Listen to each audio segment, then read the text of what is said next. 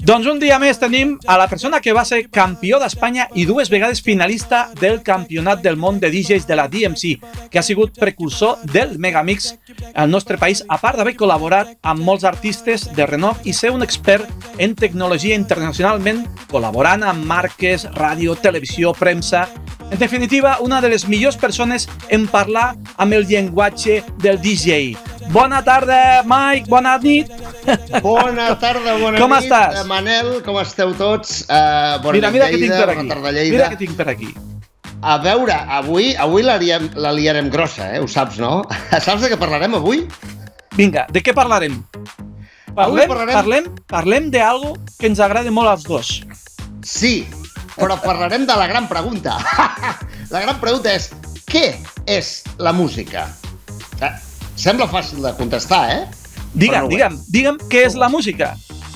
Doncs mira, Manel, eh, hem de començar per entendre la diferència entre so i soroll. Són dues coses diferents.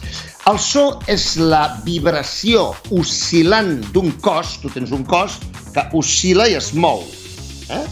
molt ràpid, rapidíssim.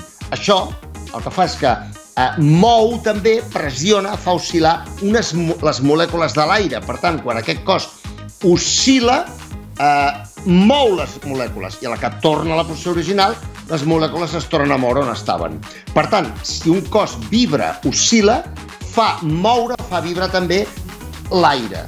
D'aquesta manera, la freqüència la podríem definir com la quantitat de vibracions per segon.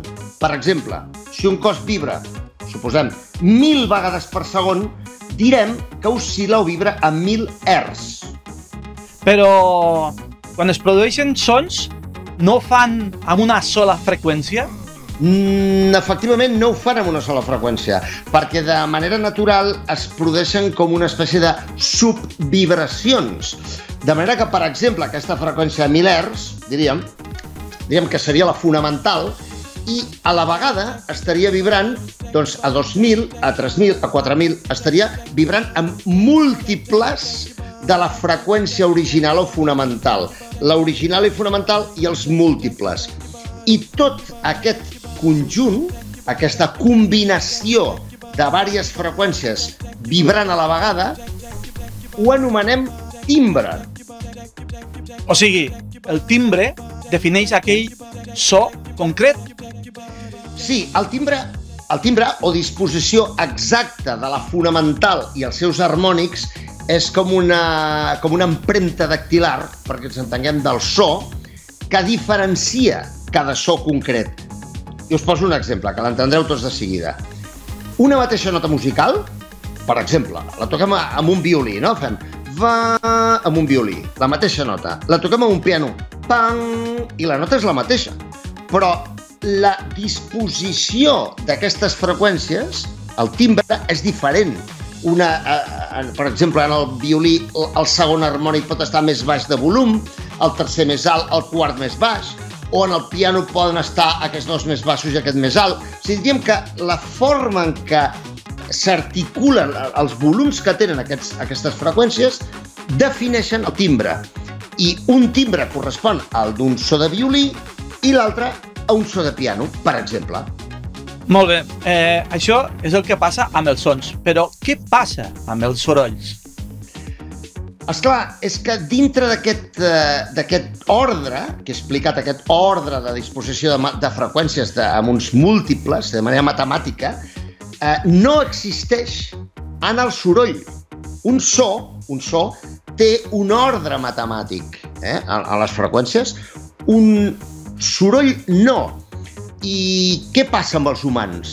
Els humans ens agrada, ens és agradable, tant a la vista com a, a l'oïda, ens és agradable l'ordre, els patrons matemàtics, eh, tot allò que té una regularitat ho trobem més agradable.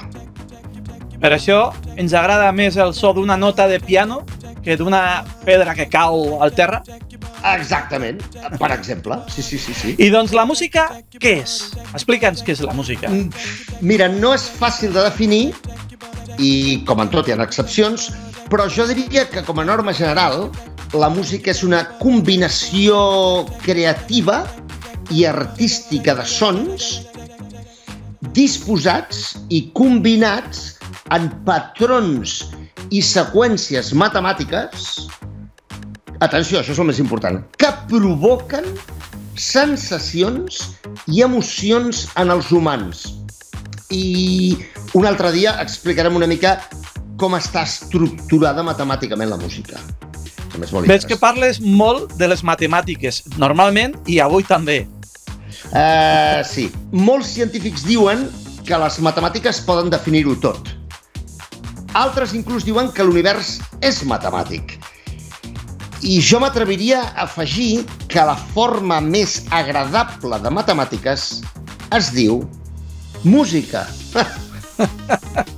Mike, com sempre, eh, jo em quedo bocabadat amb les teves explicacions.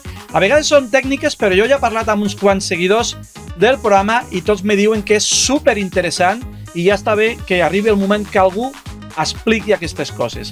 Una a, vegada a vegades, més... A vegades, sí. perdona, a vegades sí, sí, que la sensació de, de ser massa tècnic ho podria ser molt més, eh? Molt i molt més, tu ja ho saps perfectament.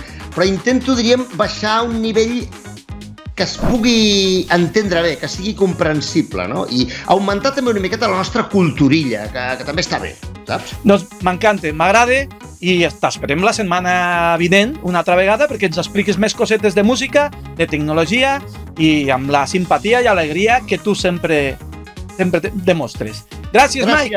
Gràcies, Adéu, bona nit. Adéu. Adéu. Adéu.